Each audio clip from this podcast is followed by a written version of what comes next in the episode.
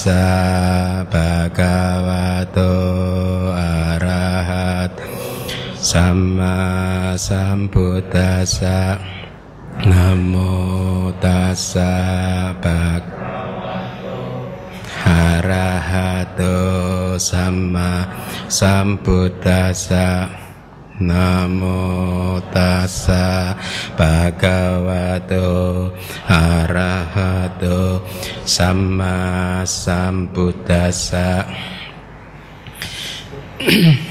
Baik, uh, selamat malam para upasaka upasika sekalian. Semoga Anda semua sehat jasmani, sehat batin sehingga bisa kembali lagi menyerap pelajaran Abhidhamma yang akan saya sampaikan. Ya. E, minggu lalu saya sudah menguraikan tentang kesadaran jana, ya, rupa wacara jana, ya, yaitu jana yang berkaitan dengan atau lingkup materi halus, ya. Anda harus ingat bahwa sebagai satu karma kusala jana, kalau karma tersebut berbuah, maka uh, artinya berbuah itu itu disebut sebagai anantarya kama kama yang tanpa jeda kan? Ya yang dari sisi baiknya kalau anantarya kama dari sisi buruk kan kita udah pelajari di kelas yang terdahulu ya. Apa saja aku salah kamanya membunuh uh, mama orang tua kita sendiri dan seterusnya ya. Uh, dari sisi kusala kamanya, anantarya kama adalah pencapaian jana salah satunya ya uh, di minggu lalu uh, disebut sebagai anantarya kama sudah saya jelaskan juga artinya karma tanpa jeda, karma tanpa antara.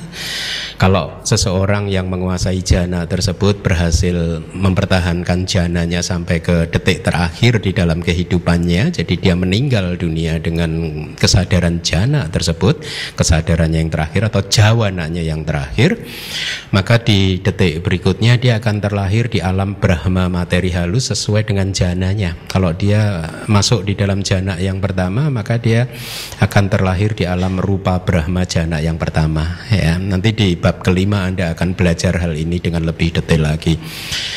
Nah malam hari ini kita juga akan berdiskusi lagi tentang uh, kesadaran jana yang lain yaitu yang disebut sebagai jana arupa atau jana non materi ya. Uh, kita akan mempelajari jenis-jenis kesadaran yang memunculkan jana tersebut ya. Jadi topik malam hari ini adalah arupa wacara citang. Ya jadi Tadi di atas saya sampaikan bahwa saya merasa berbahagia sekali saat ini ya karena pada akhirnya saya mendapatkan komunitas yang siap untuk mendengarkan ajaran-ajaran yang sulit. Jadi setelah empat tahun saya uh, menetap kembali di Indonesia, baru sekarang ini saya merasa saya mendapatkan pendengar atau ya murid komunitas yang yang yang sudah sudah mau untuk mendengarkan ajaran-ajaran bahkan yang paling sulit dan ini adalah sesuai dengan nature saya gitu ya. Artinya secara al alamiah sifat saya itu suka dengan ajaran-ajaran ini adalah subjek yang yang paling saya sukai abidama itu ya. Abidama dan sekarang saya tidak lagi membuat abidama mit isi tapi abidama yang beneran sekarang ya Kenapa? Karena Anda sudah siap untuk mendengarkannya ya. Nah, minggu lalu saya sampaikan bahwa berbeda dengan jenis kesadaran lingkup indrawi yang jumlahnya 54 yang juga sudah kita pelajari yang 45 dari antaranya itu sering muncul di dalam kehidupan kita sehari-hari kan ya. Tapi kesadaran jana yang minggu lalu kita pelajari dan juga yang hari ini kita pelajari itu tidak akan pernah bisa muncul kalau Anda tidak bermeditasi. Anda bermeditasi pun kalau Anda tidak berhasil mencapai jana, tidak berhasil uh, memunculkan jenis kesadaran ini, maka juga dia ya tidak bisa diharapkan kemudian terus muncul tiba-tiba seperti kemarahan kita atau keserakahan kita bisa muncul dengan tiba-tiba. Kalau jana, kesadaran jana, Anda harus melatihnya. Ya, minggu lalu juga sudah saya sampaikan penjelasan dari kitab komentar dari Damasanggani ada empat variasi ya. Duka padi pada dandabinya seseorang yang berlatih mencapai jananya itu penuh dengan kesulitan. Kemudian dandabinya, kemudian berwipasananya itu juga perkembangannya juga lambat lambat itu atau juga ada yang duka padi pada kipabinya mencapai jananya penuh kesulitan tetapi setelah dia mencapai jana kemudian dia bermeditasi vipassana kemajuannya sangat cepat cepat sekali. Ya ada yang kebalikannya suka pati pada danda binya mencapai jananya itu penuh dengan kemudahan tetapi pada waktu berwipasana untuk mempenetrasi nama dan rupa untuk mencapai pencerahan dia kemajuannya sangat sulit sekali sangat lambat ya. Atau yang terakhir adalah suka pati pada kipabinya mencapai jananya enak dan berwipasananya menjadi sotapan, sotapana sakadagamiana gami arahat dengan kemajuan yang cepat sekali. Nah, di dalam ke, uh, apa kesadaran jana yang non materi ini pun juga di dalam kitab komentar dari Damasanggani juga dijelaskan tentang hal-hal seperti ini.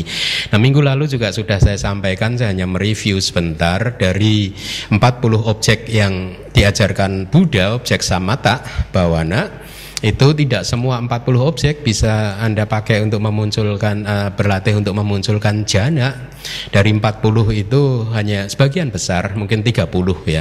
Ada yang tidak bisa misalkan uh, perenungan terhadap Buddha, Dhamma, Sangga, kemudian perenungan terhadap sila kita, caga kita, kemurahan hati, perenungan terhadap dewa, perenungan terhadap uh, kedamaian dan kematian. Perenungan-perenungan ini tidak akan pernah bisa menghasilkan jana. Kenapa? Karena pada saat Anda merenungkan eh, kualitas-kualitas uh, tadi, pikiran Anda bergerak terus. Padahal di dalam jana Anda harus melatih kesadaran Anda, cita Anda untuk berhenti di satu titik ya dengan ekagata faktor jana yang uh, terakhir. Uh, kemudian juga ada perenungan makanan yang menjijikkan, kemudian perenungan uh, apa? ya tentang kematian ini semua tidak bisa menghasilkan jana karena sifatnya membuat seseorang yang merenungkan hal-hal seperti itu seperti mendapat apa teror ya makanan menjijikkan, kemudian kematian gitu sehingga by nature uh, perenungan seperti ini tidak bisa menghasilkan uh, jana ya. Nah, uh, di minggu lalu juga saya uh, sampaikan uh, meskipun secara apa tidak secara detail karena teknik meditasinya itu nanti akan dibahas teori-teorinya akan dibahas di bab ke-9 dari kitab Abhidhamma Sanggaha ya.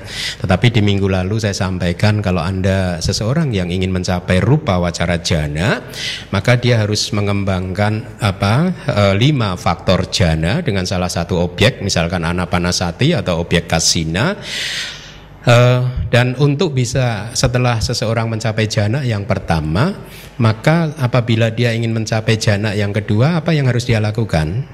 Dia harus bisa menanggalkan faktor jana yang terkasar untuk tidak muncul lagi dengan merenungkan bahwa misalkan seseorang berada di dalam jana yang pertama, keadaan batinnya masih goyang Meskipun sudah mendapatkan ketenangan, kedamaian, blissful, ya, pitik sukanya udah kuat itu, tetapi witaka membuat batinnya masih goyang. Dan juga witaka ini dekat dengan panca niwarana dengan lima rintangan batin. Ya sehingga pada saat dia ingin mencapai jana yang kedua, dia harus melatih mempoles uh, padi baga nimitanya untuk menjadi lebih cemerlang atau dengan kata lain membuat batinnya menjadi semakin lembut ya sehingga witaka tidak muncul lagi ya. Dan seterusnya buat mereka uh, kalau ingin terus mencapai jana yang lebih tinggi lagi maka yang harus dilakukan adalah menanggalkan uh, faktor jana yang terkasar. Ya jadi seperti yang kemarin saya sampaikan, minggu lalu saya sampaikan, proses meditasi ini adalah proses untuk mencapai keadaan batin yang makin lembut makin lembut sampai nanti di arupa wacara jana yang terakhir itu adalah keadaan batin yang terlembut yang bisa dicapai oleh manusia atau siapa pun yang bermeditasi itu. Sudah tidak ada lagi keadaan batin yang lebih lembut dari itu ya. Nah eh, jadi kalau Kema minggu lalu di kelas saya sampaikan bahwa rupa wacara jana ini kalau menghasilkan kelahiran kembali dia akan memunculkan kehidupan di alam Brahma materi halus. Ada berapa alam Brahma materi halusnya? Sebenarnya ada 16, tetapi ada satu alam yang disebut aksanya sata, ya ini alam di mana mereka yang terlahir di sana tidak mempunyai batin sama sekali, sehingga karena tidak mempunyai batin maka kehidupan dia hanyalah merupakan fenomena rupa atau fenomena materi, ya sehingga di satu alam ini ya kesadaran apa e, jana rupa wacara tidak bisa muncul, jadi akhirnya memunculkan 16 kurangin satu berapa anak-anak? Oh pinter. Ya. Nah, kesadaran yang malam hari ini kita pelajari arupa wacara jana kalau dia memunculkan kelahiran kembali artinya seseorang berhasil mempertahankan kesadaran ini di detik terakhir di dalam kehidupannya di jawana yang terakhir di dalam kehidupannya maka detik berikutnya dia akan terlahir di alam arupa Brahma. Ya saat ini eh, Anda tahu ada berapa jenis makhluk yang kalau dalam konteks kanda atau agregat kita ini adalah manusia dengan lima agregat. Tadi saya katakan ada makhluk dengan hanya mempunyai tubuh jasmani berarti berapa agregat? Satu. Nah kesadaran arupa wacara citang kalau dia berbuah kusala cita kalau dia berbuah akan memunculkan kelahiran di arupa brahma. Brahma yang tidak mempunyai rupa, tidak mempunyai jasmani, berarti dia adalah makhluk yang terdiri dari berapa agregat? Empat agregat saja, ya. Baik. Nah, kesadaran jana ini adalah kesadaran logia atau duniawi. Jadi sering kali manusia masih apa umat Buddha masih apa keliru memahami bahwa e, seseorang yang menguasai jana udah pasti dia adalah makhluk suci. No, bukan. Seseorang yang menguasai jana selama dia masih putu jana ya, belum mencapai tingkat kesucian apa pun, maka ya dia putu jana ya. Anda ingat yang Arya yang mulia Dewa Data? Beliau biku yang menguasai jana, menguasai kesaktian banyak hal kesaktian yang dia kuasai. Tetapi karena dia bukan Arya, dia hanya seorang putu jana biasa, dia masih bisa melakukan kejahatan, masih bisa melakukan karma buruk ya. Dan saat ini ya, beliau e, memetik buah karmanya di alam neraka ya. Nah, e, di dalam Buddhism kesadaran jana itu bukan tujuan akhir dari latihan kita ya. Jana kita jadikan sebagai basis landasan untuk berwipasana. Dan itu penting sekali karena kata-kata Buddha Buddha mengatakan samating bikau uh, semating bikawe baweta wahai para biku kembangkanlah samadhi kembangkanlah uh, konsentrasi. Semahito bikawe biku yatha butang pajanati. Seorang biku yang mempunyai samadhi dia akan bisa melihat realitas secara apa adanya nama dan rupa secara apa adanya. Jadi jana di dalam Buddhism itu adalah alat untuk bermeditasi vipassana, bukan tujuan akhir. Nah, mari kita lihat.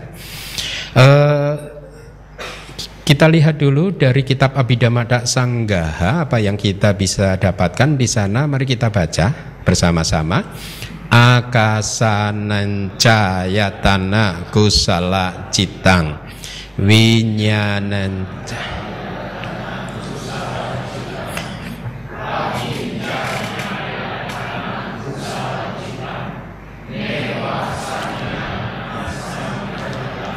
kusala citang. Cukup. Ini nama empat jenis kesadaran kusala arupa jana ya. Kesadaran yang baik dari uh, arupa wacara. Uh, saya harap Anda juga sudah apa tahu teknik menghafalnya seperti yang saya sampaikan kemarin ya. Hah? Belum. Pelan-pelan. Kita baca dulu bahasa Indonesianya, mari.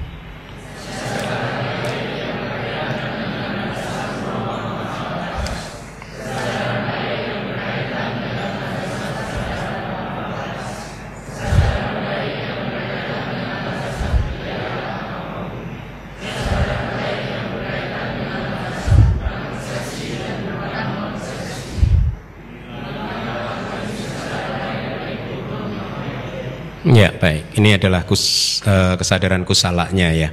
Nah eh, kalau anda cermati anda menemukan kata ayat tanah di sana yang saya terjemahkan jadi landasan. Nanti di bab ke tujuh di dalam Abhidhamma Sanggaha uh, kita akan belajar bagaimana Buddha sebenarnya memecah-mecah fenomena kehidupan ini secara keseluruhan ya. Kalau dalam konteks ayat tanah atau landasan Buddha mengajarkan kepada kita ada 12 ayat tanah yaitu apa? Cak ayatana, caku ayatana, sota ayatana dan seterusnya. Ada enam kan? Panca indera lima kemudian ditambah batin. Mana ayatana mana ayatana berarti enam kan? Sama objeknya masing-masing berarti objek dari apa? E, mata itu apa? Rupa yatana sadda yatana dan seterusnya. Nanti objek dari batin adalah dhamma yatana ayat tanah ya. Kalau anda saat ini belum paham secara detail tidak apa-apa saya perkenalkan pelan-pelan karena memang beginilah abidama ya. Technical term istilah-istilah teknis akan dibahas terus dari waktu ke waktu sehingga lama-lama pemahaman anda akan seperti dipoles gitu. Sehingga pada saat kita sudah belajar di bab ke-9 nanti anda tiba-tiba merasa mendapatkan satu pengetahuan yang menyeluruh tentang ajaran Buddha ya Anda sudah mendapatkan satu pemahaman yang sangat kokoh, sangat bagus sekali tentang oh Buddhism itu ternyata seperti ini. Ya, jadi kalau Anda saat ini masih belum bisa menghafal jangan terus patah semangat ya karena nanti akan terus dipoles terus di kelas-kelas berikutnya. Nah, saya jelaskan ayat tanah di sini itu tadi 12 ayat tanah. Jadi ini adalah para mata dhamma. Ini bukan apa? Bukan konsep atau bukan kebenaran apa? Di kelas-kelas awal kebenaran hakiki kemudian ada kebenaran konvensional. Ayat tanah itu sebenarnya kebenaran hakiki para mata dhamma. Tetapi di dalam jenis kesadaran kusala uh, arupa wacara kusala cita ini hanya ayat tanah yang kedua dan yang keempat itu yang disebut sebagai para mata dhamma artinya sebagai kebenaran hakiki ya. Uh, kalau Arupa wacara kusala cita yang pertama dan yang ketiga itu objeknya akasa, ruang atau angkasa. Itu bukan para mata tetapi konsep ya. Sementara objek dari jana yang ketiga e, ketiadaan apa pun itu juga bukan para mata tetapi konsep. Ya jadi ini perlu saya jelaskan karena di ini apa dokumentasikan sehingga nanti pelajar-pelajar abidama yang lain juga tidak e, memahami secara keliru. Jadi strictly speaking ayat tanah atau landasan dalam konteks arupa wacara kusala cita hanya berkaitan dengan kesadaran jana yang kedua dan juga kesadaran arupa wacara uh, kusala cita yang keempat ya. Mari kita baca lagi. Uh, Anda masih ingat nggak definisi para mata yang sudah kita berikan di kelas yang lalu? Di kelas awal apa definisinya? Masih ingat? Apa yang Anda pahami dengan para mata dhamma atau dhamma hakiki atau para mata saja atau kebenaran yang hakiki? Masih ingat nggak? Hmm? kebenaran yang benar-benar eksis ya. Yang benar-benar ada sementara kebenaran konvensional dia ada hanya sesuai dengan kesepakatan kita saja ya. Mari kita lanjutkan lagi. Silahkan dibaca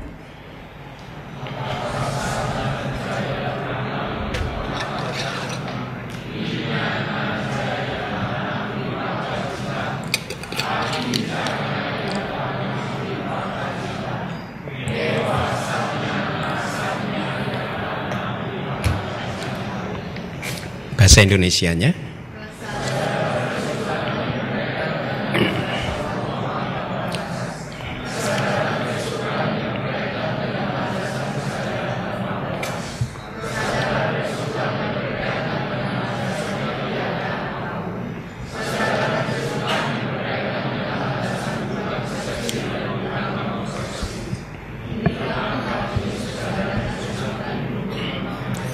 Ya, seperti biasa, jadi ini adalah kesadaran apa? Buah dari arupa wacara kusala cita yang tadi sudah kita baca. Mari kita lanjutkan yang ketiga. Silakan.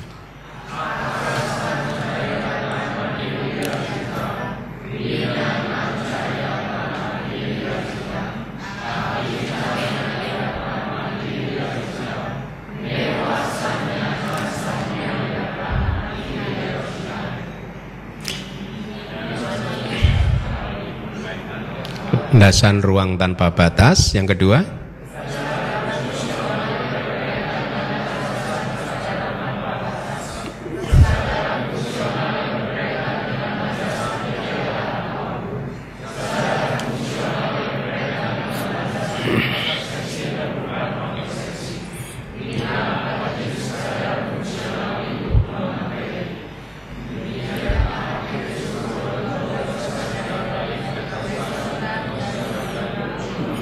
Ya, jadi inilah 12 jenis kesadaran arupa wacara cita ya dibagi menjadi tiga kelompok seperti biasa atau tiga jenis yaitu jenis kusala, jenis wipaka dan jenis kiriya. Yang terakhir ini kiriya muncul di batin para Buddha, arahat dan paceka Buddha.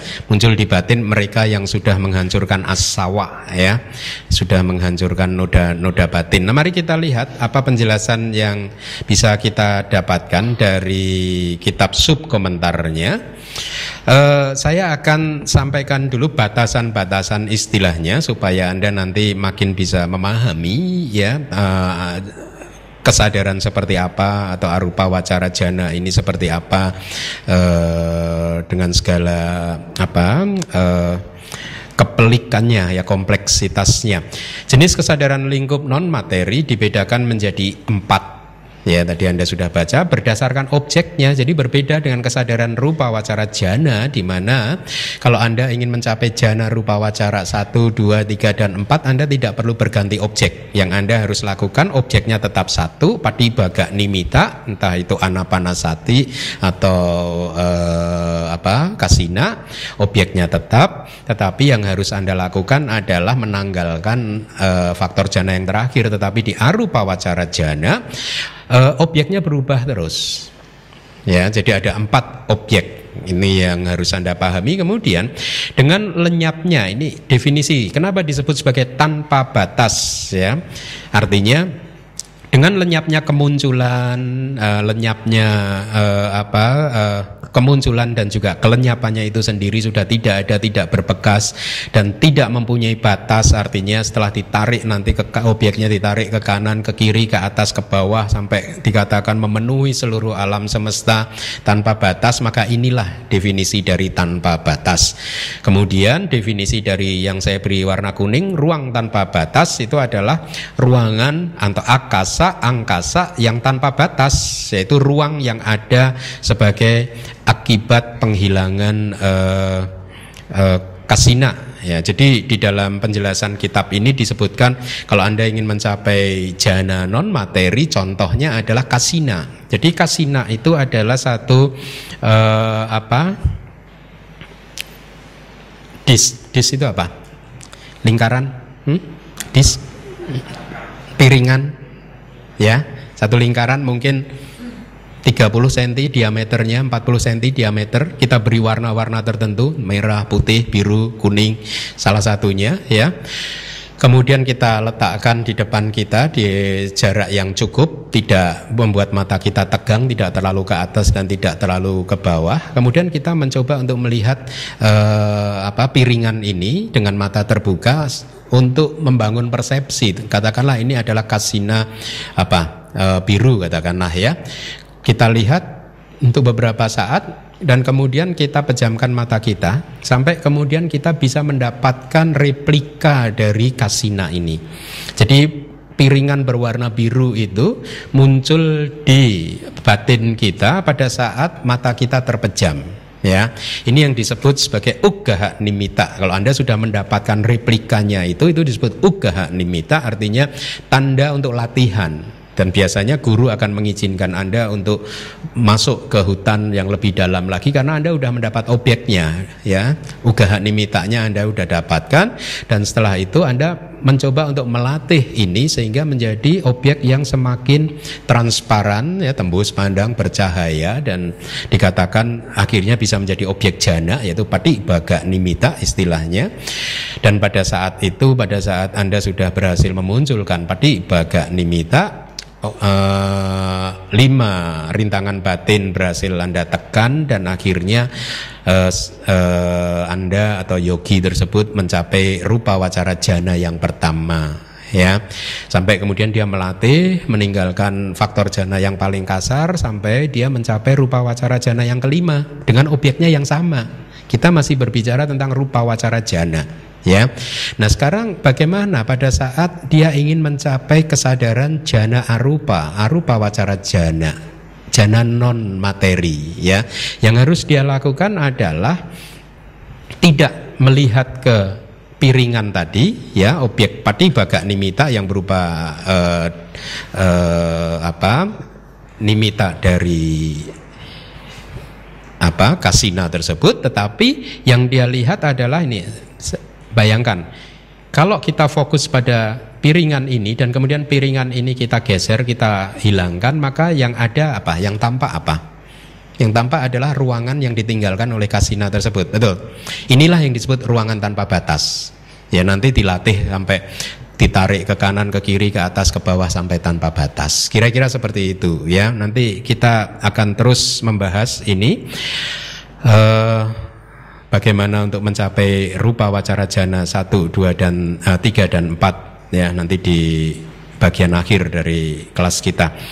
Mari kita lanjutkan lagi definisinya landasan ruang tanpa batas. Arti dari kata tersebut, kalimat tersebut adalah ruang tanpa batas tersebut menjadi landasan. Jadi ayat tanah menjadi landasan dalam artian landasan tersebut mendukung jana dan dhamma yang muncul bersamanya artinya cetasika yang muncul bersamanya. Ya jadi minggu lalu juga sudah saya sampaikan bahwa cita tidak muncul sendirian selalu bersama-sama dengan cetasika. Uh, jadi yang dimaksud dengan landasan di sini adalah sesuatu yang mendukung jana dan dhamma yang muncul bersamanya. Seperti halnya landasan para dewa itu artinya adalah untuk para uh, dewa ya. Jadi atau secara singkat landasan di sini bisa diartikan artikan sebagai objek objek dari jana. Jadi kalau tadi Anda baca akasa nencaya tanah kusala cita, kesadaran baik dengan landasan ruang tanpa batas artinya dengan objek ruang tanpa batas ya. Jadi ini arti dari landasan. Mari kita lanjutkan. Arupa jana yang pertama yang mencapai absorpsi, mencapai jana di dalam objek atau landasan tersebut dikatakan istilahnya sebagai landasan ruang tanpa batas. Kemudian kesadaran baik atau kusala cita yang berasosiasi dengannya disebut sebagai kesadaran baik yang berkaitan dengan landasan ruang tanpa batas dan uh, saya rasa mudah untuk dipahami. Kemudian yang terakhir kesadaran arupa yang pertama ya. Dikatakan tanpa batas karena kemunculannya itu berkaitan dengan ruang tanpa batas dan juga karena kemunculannya dengan cara memancar tanpa batas. Itu tadi yang saya katakan, memancar tanpa batas. Jadi pada saat Anda sudah mendapatkan objek ruangan tadi yang ditinggalkan oleh kasina, maka Anda akan diminta oleh guru Anda untuk melatih untuk memperluas kasina Anda ke kanan, ke kiri, ke atas, ke bawah sampai menyelimuti tubuh Anda, menyelimuti seluruh alam semesta ini ya walaupun ada catatannya di situ sebenarnya kesadaran tersebut yang mengambil objek tanpa batas itu sebenarnya muncul lenyap muncul lenyap. Jadi kalau seseorang dikatakan berada di dalam jana selama 4-5 jam ya mengambil objek yang tetap itu sesungguhnya kesadarannya juga muncul lenyap muncul lenyap muncul lenyap ya. Tapi kesadaran yang muncul lenyap muncul lenyap tersebut mengambil objek yang sama terus sehingga dia bisa bersama dengan objek dan mempertahankan uh, kualitas kesadarannya di objek tersebut sampai uh, berjam-jam. Nah anda cermati di sini juga kita ketemu dengan istilah apa? Kata Pali lagi winyana ya. Akasa nenca ya tanang Hah? tidak ya akasa nenca ayatanang kusala citang. Oh no no, itu yang ketiga itu lihat. Kesadaran arupa yang pertama di dalam kitab Wibawinidika itu disebut patama arupa winyanang. Jadi uh, saya ingin sampaikan supaya Anda tidak bingung bahwa nama cita atau kesadaran itu bisa mempunyai sinonim uh, banyak sekali. Cita ya winyana itu juga sebenarnya cita sama tetapi dalam konteks e, 89 cita winyana itu khusus untuk apa kesadaran indrawi kesadaran mata telinga dan seterusnya kan ya. Kemudian nanti kalau Anda di bab kedua bertemu dengan cetasika ya, ceta, ceto itu juga sinonim dari uh, cita atau mano, pubanggama dama. Nah, itu juga sinonim atau manasa itu juga sinonim. Jadi begitulah bahasa Pali. Jadi bagus kalau Anda tahu itu semua supaya Anda nanti tidak bingung kenapa uh, di satu buku dan buku yang lain memakai istilah-istilah yang uh, berbeda-beda. Nah, mari kita lanjutkan. Sekarang kita masuk ke arupa wacara jana yang ketiga Dua kita bahas winyanenca ya tanah landasan kesadaran tanpa batas disebut demikian karena itu menjadi pendukung kesadaran arupa yang kedua atau pendukung arupa jana yang kedua ya. Seperti tadi arti dari landasan adalah mendukung jana dan dhamma atau cetasika yang muncul bersamanya ya. Uh, ini disebut arupa jana yang kedua. Ya, sama di dalam Dhamma Sanggani juga dikatakan akasanenca ya tanang. Sama tiga artinya melampaui landasan ruang tanpa batas. Ya, ini kata-kata dari Dhamma Sanggani, kitab Abhidhamma yang pertama. Kalau seseorang ingin mencapai arupa jana yang kedua, maka dia harus melampaui landasan ruang tanpa batas. Ya. Bagaimana caranya melampaui landasan ruang tanpa batas? Jadi yang difokuskan lagi bukan ruang tanpa batasnya, tetapi jenis kesadaran yang mengambil objek ruang tanpa batas tadi. Paham? Kan cita kita itu objek itu dan cita saling berkaitan kan? Ya. Kalau di dalam arupa wacara jana yang pertama tadi mengambil objek angkasa. Berarti arupa wacara kusala cita mengambil objek angkasa.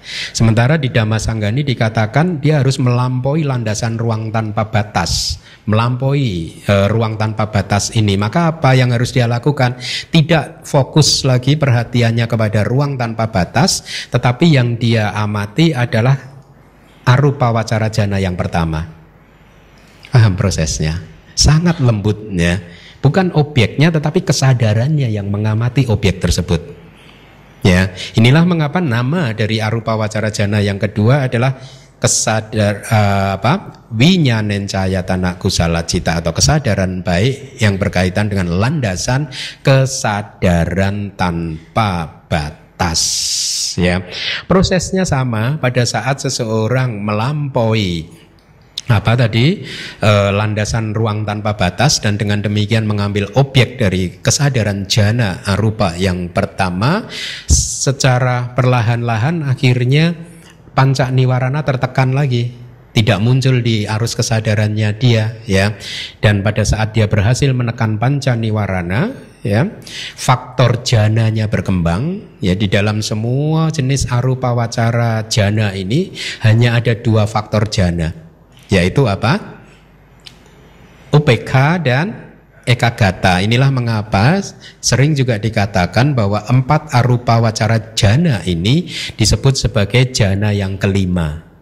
Ya, bukan jana yang ke-6, ke-7, ke-8. Meskipun juga kadang juga disebut sebagai jana 6, 7, 8. Tetapi karena faktor jananya itu sama dengan rupa wacara jana yang kelima, maka arupa wacara jana disebut sebagai jana yang ke lima. Nah, pada saat niwarananya itu tertekan, kemudian faktor jana UPK dan ekagatanya berkembang secara maksimal, maka dikatakan dia mencapai arupa wacara jana yang kedua yaitu jana dengan landasan kesadaran tanpa batas ya.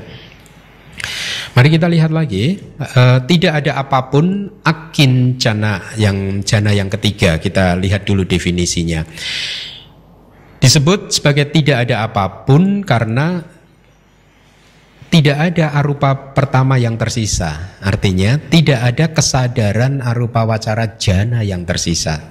Jadi Sekali lagi Anda harus pahami bahwa kita sedang membahas uh, pencapaian meditatif untuk mencapai keadaan batin yang makin lembut, makin lembut sampai keadaan batin yang paling lembut yang sudah tidak ada lagi yang lebih lembut dari itu.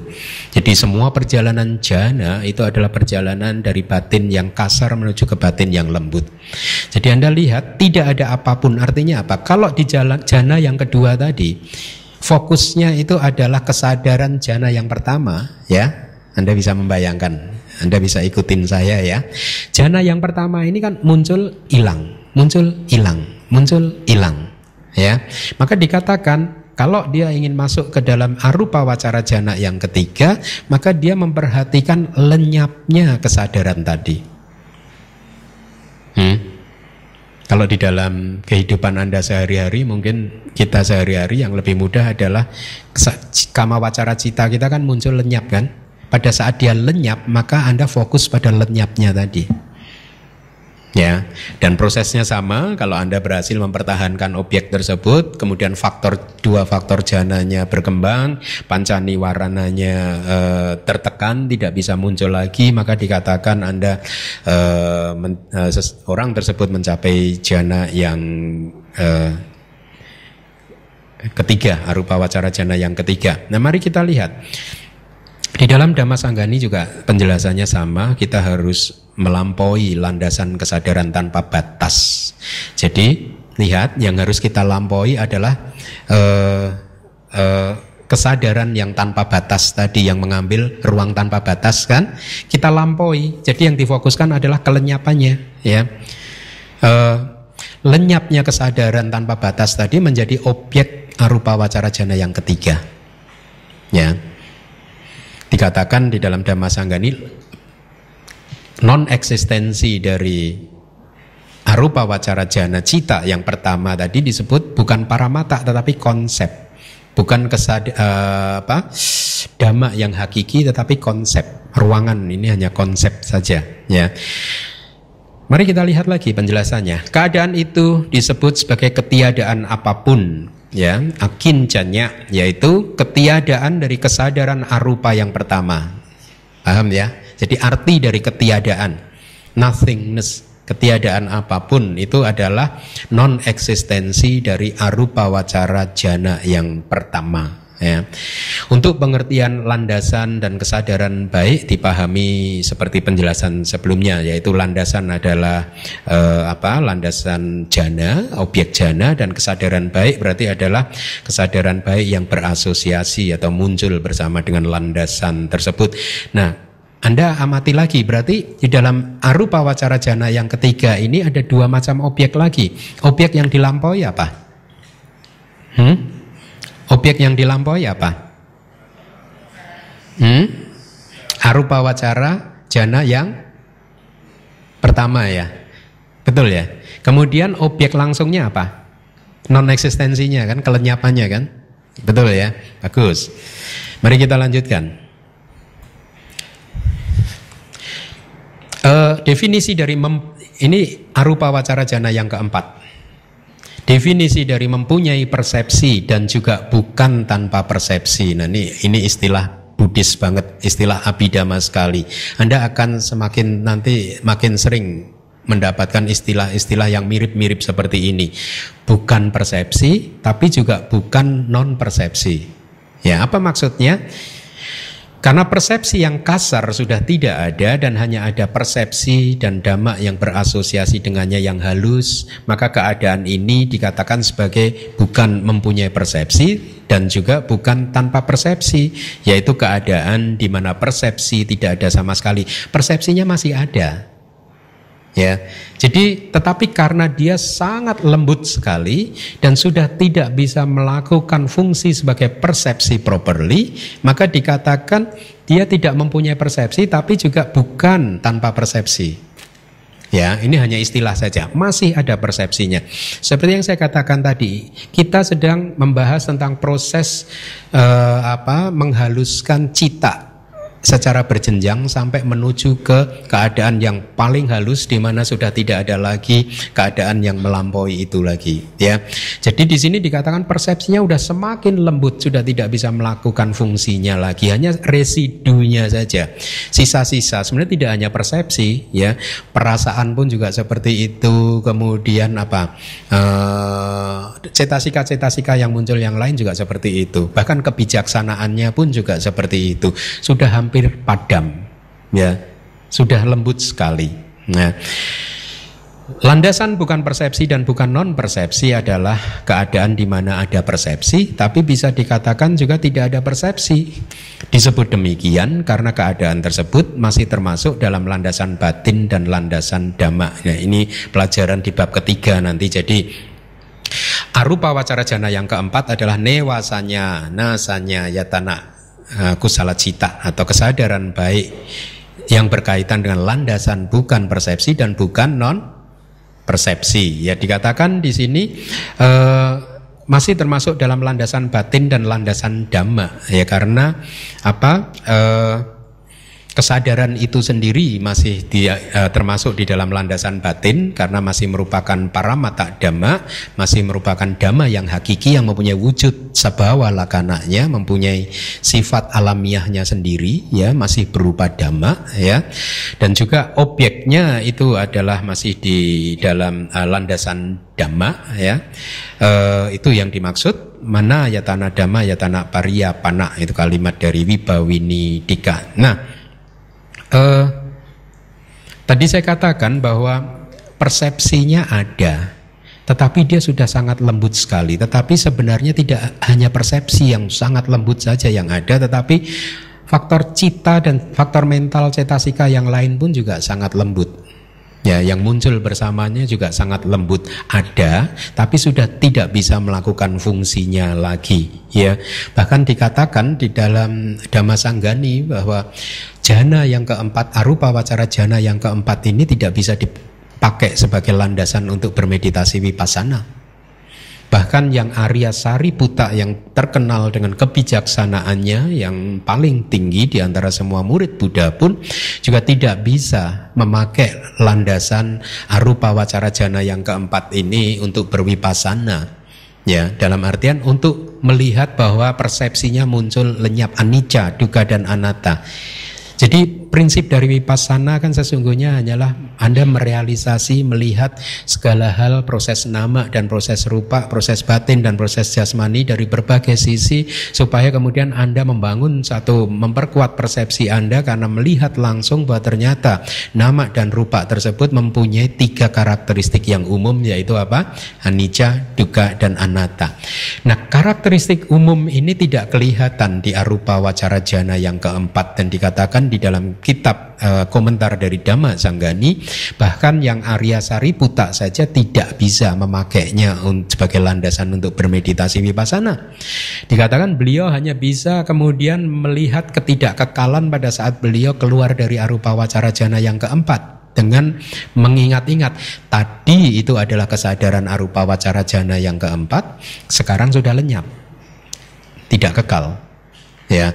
Nah, kenapa demikian? Karena semua proses batin sudah sangat lembut sekali, ya.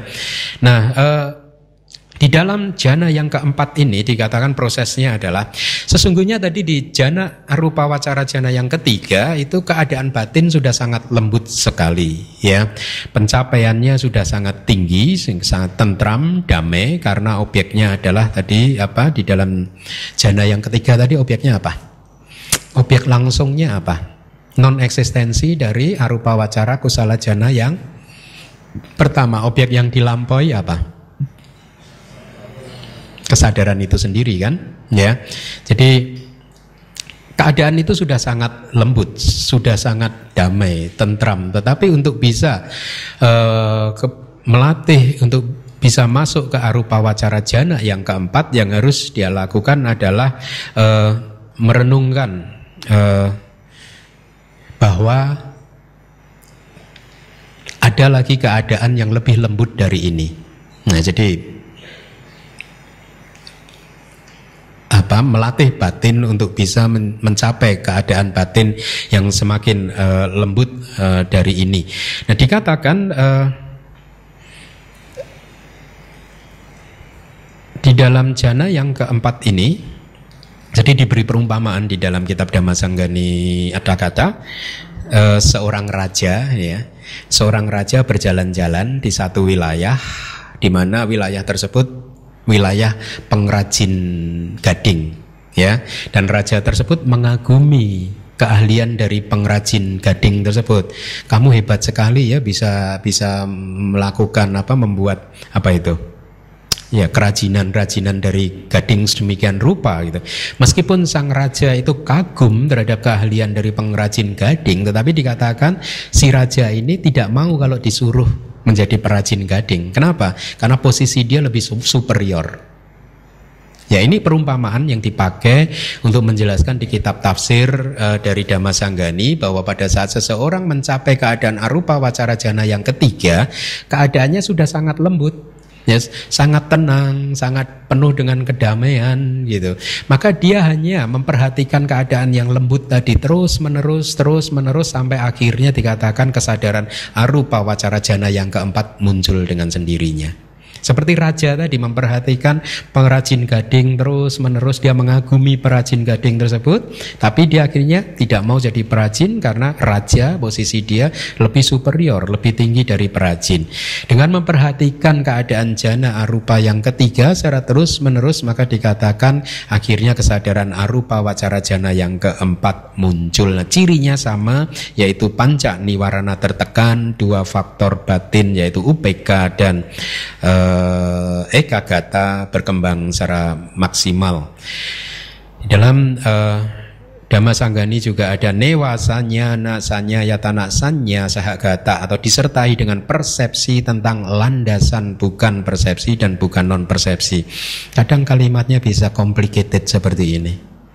Ya, maka Anda harus pelan-pelan mencoba. Tapi mau nggak mau Anda harus mencoba memahaminya. Landasan bukan persepsi dan juga bukan non persepsi dan disertai dengan persepsi itu ya. Itu artinya tadi masih ada persepsi sesungguhnya tetapi sudah sangat lembut sekali hampir tidak eksis. Karena sudah tidak bisa melakukan fungsinya. Nah mari kita lihat penjelasannya ini. Disebut sebagai bukan persepsi. Nah, karena persepsi yang ada itu sudah tidak bisa berfungsi sebagai persepsi yang tajam. Patuk sanya kicasa bahwato yang bisa menyebabkan ketidaktertarikan terhadap nama dan rupa batin dan jasmani sebagai hasil dari latihan vipassana. Lihat, hasil dari latihan vipassana membuat kita tidak begitu tertarik dan terikat lagi kepada nama dan rupa batin dan uh, materi. Disebut sebagai bukan non persepsi sekarang definisinya. Karena meskipun persepsi itu masih ada, tetapi keberadaannya itu sudah sangat lembut sekali sebagai sisa dari formasi-formasi batin atau sangkara, ya, seperti halnya elemen api di dalam air yang panas. Artinya gini, di dalam air elemen api itu sesungguhnya tidak mampu. Ada elemen api tetapi tidak mampu membuat air panas. Elemen apinya ada tetapi sedikit sekali, tidak mampu membuat air menjadi panas. Ini perumpamaannya. Jadi sekali lagi poinnya adalah di dalam kesadaran arupa wacara jana yang keempat persepsi ada, wedana ada, perasaan ada, dan semua cetasika-cetasika yang lain ada, tetapi dia sudah menjadi sangat lemah sekali, sehingga sudah tidak bisa dipakai sebagai landasan untuk berwipasana. Bahkan yang Arya Sariputa saja dikatakan tidak bisa. Nah ada beberapa perumpamaan di dalam kitab tersebut. Perumpamaan yang pertama adalah minyak untuk mengolesi mangkok. Jadi dikatakan ada seorang samanera bersama dengan gurunya berjalan-jalan di hutan dan kemudian setelah sampai di tengah hutan samaneranya uh, uh, berkata uh, apa ada minyak di dalam mangkok. Yeah Ya, jadi minyak tersebut di, dioleskan ke dalam mangkok dan dia berkata kepada gurunya Bante, ada minyak di dalam mangkok ini. Kemudian Bantenya atau teraknya berkata, mana mangkoknya? Hmm, ya, ambillah. Uh, uh, kita akan mengisi botol minyak kita. Gitu. Paham ya? Dan kemudian sama neranya menjawab, nggak ada minyak kok Bante. Loh tadi kamu bilang ada.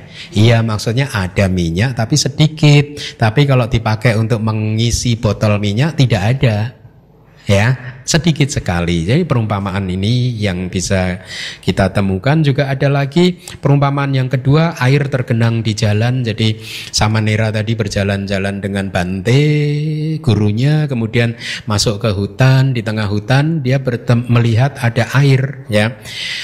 Uh, kemudian dia berteriak lagi Bante di sana ada air maka lepaskan sepatu Bante gitu. Terus kemudian Bantenya berkata kalau begitu bawalah kain mandi saya, saya akan mandi gitu.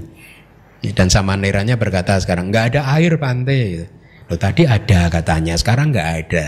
Maksudnya ada cukup untuk mencuci sepatu, tetapi tidak cukup untuk mandi sama.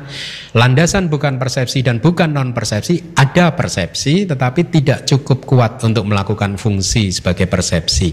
Ada perasaan tetapi tidak cukup kuat melakukan fungsinya. Itu yang dimaksud Persepsi yang ada disebut sebagai landasan karena menjadi pendukung jana ini bersama dengan dhamma yang berasosiasi dengannya dan oleh karena itulah disebut sebagai landasan bukan persepsi dan bukan non persepsi. Sudah saya jelaskan, hanya persepsi yang disebutkan sebagai karakteristik dari jana ini tetapi hendaknya dipahami bahwa perasaan, wedana dan lain-lain di dalam jana ini juga disebut sebagai bukan perasaan dan bukan non perasaan. Ya, uh, ada yang lagi cetasika yang disebut kontak pasak, bukan kontak dan bukan non kontak dan seterusnya. Ya, pemahaman ini yang harus anda perkuat. Kesadaran yang berasosiasi dengan landasan bukan persepsi dan bukan non persepsi disebut sebagai kesadaran yang berkaitan dengan landasan bukan persepsi dan bukan non persepsi. Ya, logika yang sama seperti kesadaran-kesadaran sebelumnya. Nah, mari kita lihat dari Abhidhamma Sanggaha ada kalimat mohon dibaca kalimat bahasa Indonesianya.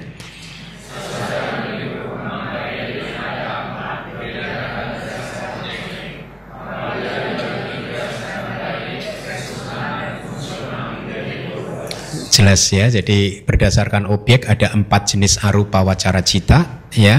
Tapi kalau dikelompokkan ke dalam tiga jenis yaitu kusala, resultan dan kiriya maka empat kali tiga ada dua belas. Uh, mari kita lihat lagi dari kitab sub tafsirnya. Kesadaran arupa, lihat bahasa palinya di sini arupa manasa dan kata arupanya pun juga berbeda kalau Anda cermati di dalam kitab tafsirnya. A panjang, rupa double P, P-nya dua. Sama dengan yang kalimat sebelumnya A R U P-nya satu sama. Ya. Dan manasa batin itu kata lain manasa kata lain dari winyana, kata lain dari cita, kata lain dari ceto dan lain sebagainya. Ya, ada empat objek yaitu empat objek langsungnya. Saya harap Anda sudah paham yaitu ruang yang ada sebagai akibat penghilangan kasina kesadaran arupa yang pertama ketiadaan dari kesadaran arupa yang pertama dan kesadaran arupa yang ketiga. Itu objek langsungnya. Empat objek yang harus dilampaui yaitu yang pertama adalah kasina kemudian ru ruang, kesadaran arupa pertama dan lenyapnya kesadaran arupa pertama. Saya harap Anda pahami tabel 1.6 ya. Nah, mari kita bahas lagi pencapaian jana arupa. Ya, meskipun tadi sudah sempat saya singgung secara uh, apa singkat. Arupa jana yang pertama itu melampaui kasina. Ini kalimat dari Wibawinitika dan mengambil objek ruangan tanpa batas yang ditinggalkannya. Ya, ini ini dari dari kitab tafsir. Ya, jadi Anda tujuan saya membuat kelas seperti ini adalah supaya pemahaman Anda tentang abidama kokoh bukan berdasar dari opini tetapi punya referensi. Ya jadi kalimat ini ada di dalam Wibawinidika kitab sub tafsir dari Abhidhamma Sanggaha. Arupa jana kedua dicapai dengan melampaui ruangan tanpa batas dan mengambil objek kesadaran arupa pertama. Jadi meskipun tadi sudah saya sampaikan, maka sekarang saya paparkan referensinya. Ya, arupa jana yang ketiga melampaui objek tersebut dan mengambil objek langsung, yaitu ketiadaan apa pun atau non eksistensi dari kesadaran arupa wacara yang pertama. Arupa jana yang keempat melampauinya lagi dan mengambil objek kesadaran arupa ketiga yang sedang muncul. Ya paham ya? Nah, eh, proses pencapaian arupa jana itu tidak seperti kesadaran baik lingkup materi halus atau rupa wacara kusala jana atau kusala cita, di mana eh, jana materi halus tersebut dicapai dengan cara melampaui faktor-faktor jananya yang kasar, paling kasar dari kesadaran sebelumnya, ya, tetapi objeknya sama seperti tadi yang sudah saya sampaikan di dalam uh, kesadaran arupa ini objeknya sama tidak? Hmm? Objeknya sama tidak seperti rupa wacara jana? Tidak. Objeknya berbeda. Ada berapa jenis objek? Empat. Empat objek langsung dan empat objek yang dilampaui. Nah, ini menarik. Dalam kaitan ini para acarya atau guru bahasa palinya acarya berkata aramana atikamato cataso pibawanti ma anggatika mameta sang na icanti wibawinoti dengan melampaui objek pencapaian artinya pencapaian meditatif itu menjadi empat ya kaum bijaksana tidak mengharapkan melampaui faktor jana dalam hal ini. Inilah mengapa dari keempat arupa wacara jana faktor jananya semua sama yaitu apa? UPK dan ekagata ya. Nah di kitab Dhammasanggani ada kata itu ada perumpamaan seperti ini. Gedung empat lantai. Saya waktu membaca ini berpikir gitu bahkan pada saat kitab ini kan komentar ini ditulis oleh uh, komentator yang terkenal siapa? Buddha Gosa kan.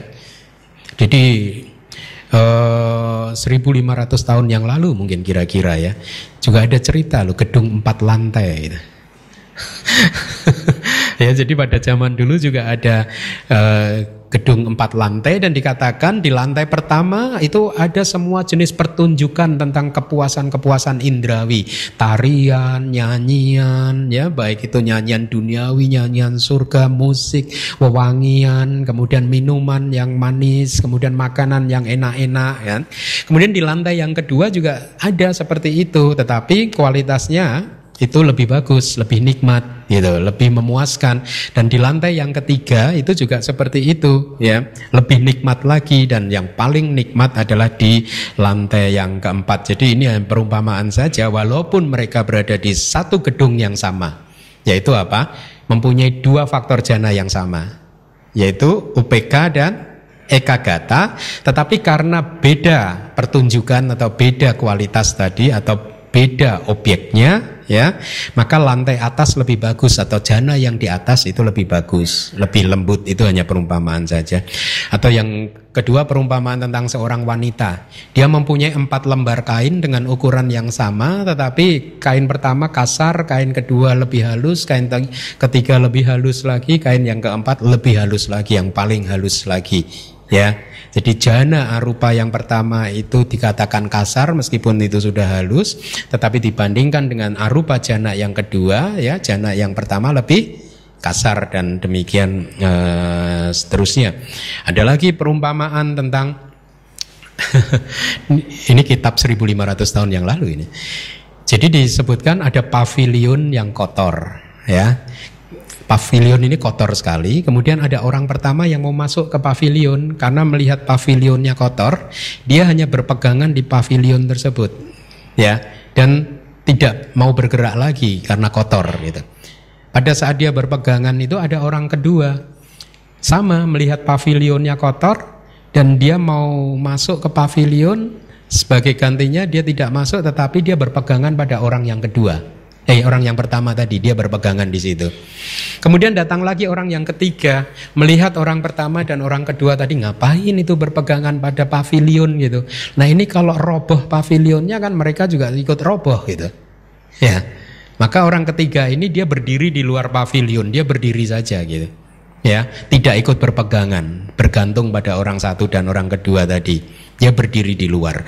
Nah, kemudian datang orang keempat, Ya, orang keempat ini melihat juga seperti itu, tidak mau masuk ke pavilion, tetapi dia berpegangan kepada orang yang ketiga. Jadi ini hanya perumpamaan saja yang dipakai oleh para guru atau acarya komentator di masa lalu untuk menjelaskan proses pencapaian arupa wacara jana 1, 2, 3, dan 4. Pavilion yang kotor itu hanya perumpamaan tentang kasina. Kasina masih dianggap kasar masih dianggap sebagai uh, apa objek yang kasar yang masih berkaitan dengan rupa. Sementara dia ingin mencapai arupa jana kan?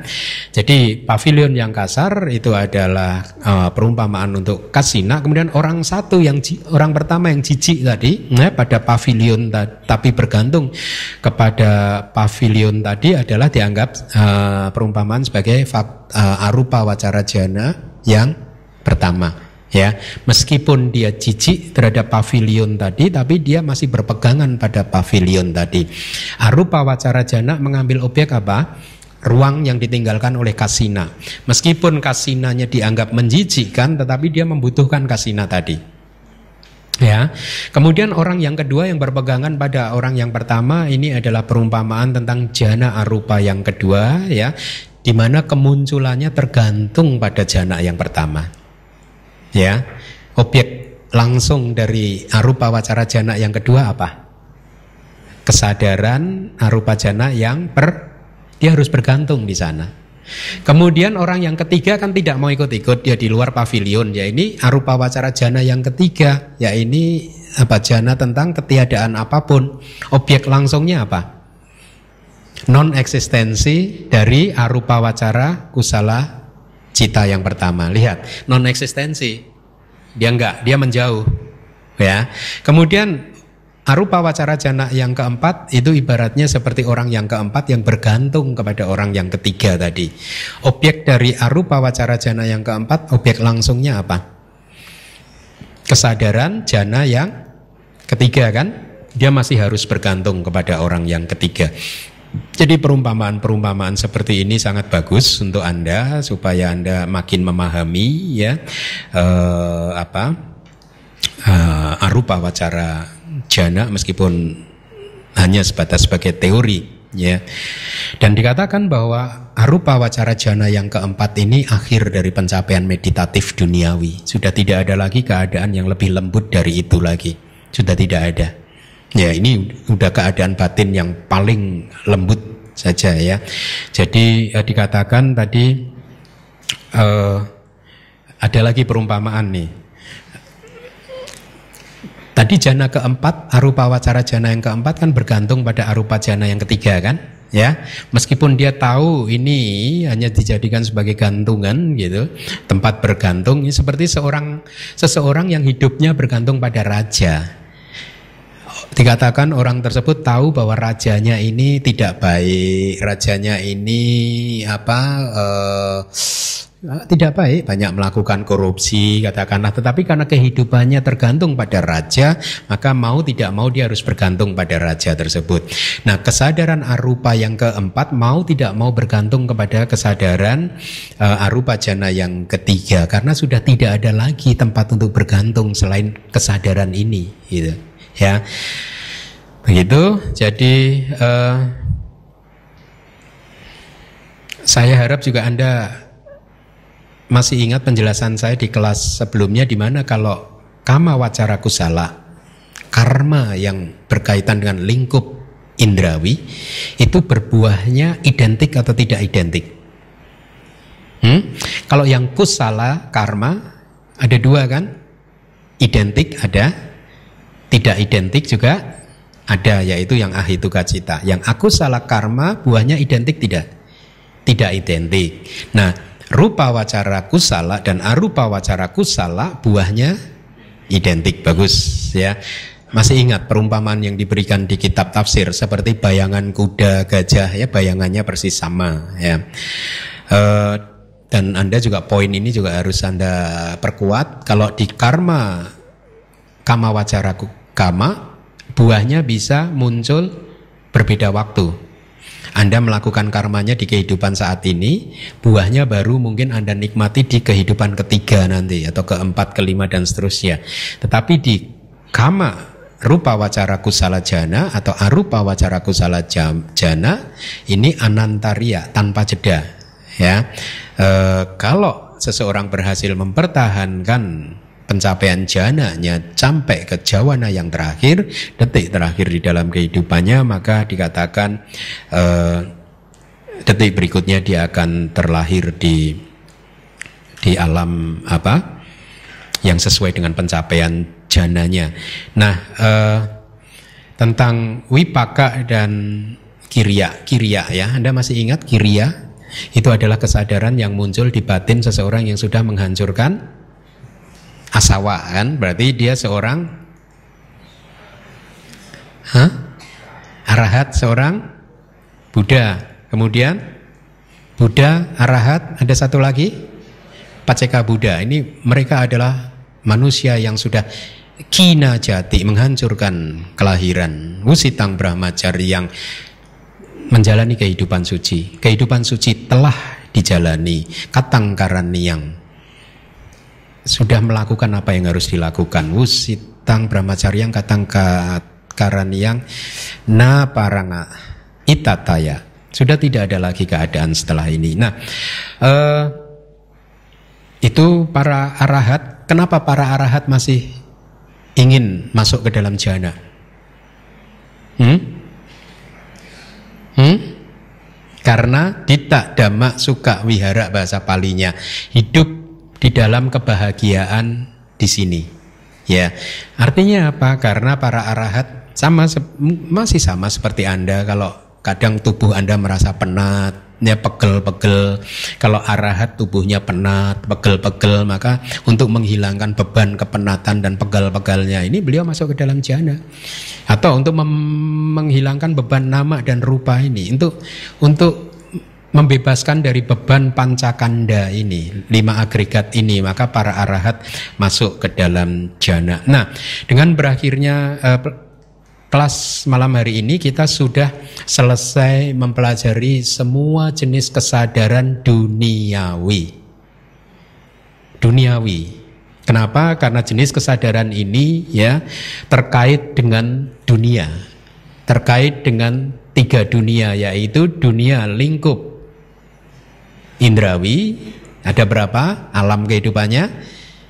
11 Kemudian dunia yang terkait dengan Brahma materi halus, alam Brahma materi halus ada berapa? 16 tambah 11 berapa? 27 dan kemudian alam Brahma non materi ada 4 27 tambah 4 31 semua jenis kesadaran yang sudah kita pelajari malam hari ini kalau dia membuahkan hasil buahnya ada di dalam alam-alam tersebut Buahnya tidak akan pernah bisa membawa kita keluar dari alam tersebut, keluar dari samsara. Karena 31 alam ini adalah alam samsara, alam alam yang harus kita tinggalkan, harus kita lampaui. Nah, cara melampauinya bagaimana? Minggu depan kita akan membahasnya, ya. Nah, sekarang saya akan melakukan drill ngetes Anda. Ya.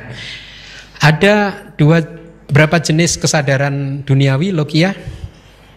Ada berapa jumlahnya? 80? Hah? Dihitung, dihitung. 12 aku salah cita. 18 ahituka cita. 24 kama wacara sobana cita. Berarti berapa? 30 tambah 24, 54. Ditambah 15 rupa wacara cita. Hmm? 69 ditambah 12 arupa wacara cita. 81 kan? Ini semua jenis kesadaran logia duniawi ya. Uh, kemudian saya drill lagi latih Anda. 54 kama wacara cita coba Anda sebutkan. Kelompok-kelompoknya. Dari aku salah ada berapa? 12. Dari ahituka ada berapa? Nah, dari kamawacara sobana ada berapa? 8, 8, 8. 24 ya. Kemudian eh, 15 rupa wacara cita dibagi ke dalam berapa jenis? Masing-masing jenis ada berapa? 5. Arupa wacara cita dibagi ke dalam berapa jenis? Hmm? Tiga. Apa saja? Kusala, wipaka, kiriya. Sekarang pertanyaan saya. Ada berapa kesadaran jana pertama? Hmm? Apa saja? Rupa wacara jana kusala,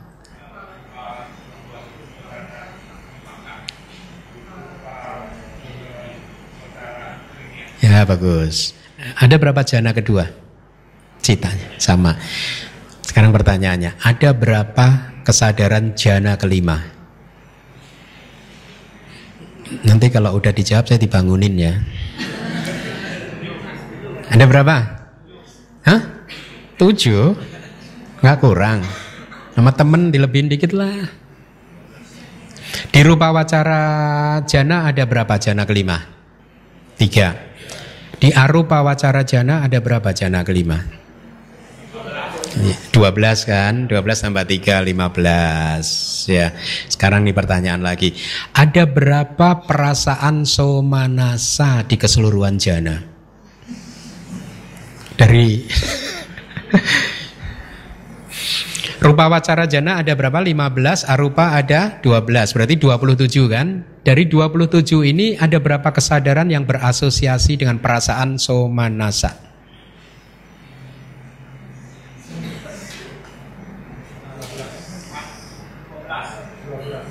Dua belas, empat empat empat ya. Apa saja? Rupa wacara jana satu, dua, tiga, empat, kusala, wipaka, kiriya. Bagus. Nah, ini ada istilah lagi yang Anda harus tahu. Apa? Uh, eh, 15 rupa wacara cita dan 12 arupa wacara cita berarti ada 27 kan? Ini secara kolektif istilahnya adalah mahagata. M A H A G G A T. Mahagata. Gone to the grid. Telah pergi ke keadaan yang bagus sekali. Kenapa disebut sebagai uh, mahagata? Karena uh, dia menghasilkan keadaan batin yang baik. Ya, secara kolektif disebut sebagai mahagata. Dan juga ini yang harus anda pahami, keseluruhan dari 27 mahagata cita tadi mempunyai berapa akar? Hmm, berasosiasi dengan berapa akar? Tiga apa saja? Aloba, ado, eh, adosa, amoha. Ya, jadi 27 mahagata cita selalu muncul bersama dengan tiga akar ini. Kalau kama wacara sobana yang kusala kan ada yang tanpa akar, uh, sorry tanpa kebijaksanaan kan, hanya muncul dengan dua akar yaitu aloba dan adosa tanpa amoha, tetapi di dalam kesadaran mahagata ini semua itu muncul bersama dengan tiga akar yang baik kusala, bukan akar yang tidak baik. Uh, baik, dengan demikian maka kita selesai kelas kita malam hari ini. Terima kasih.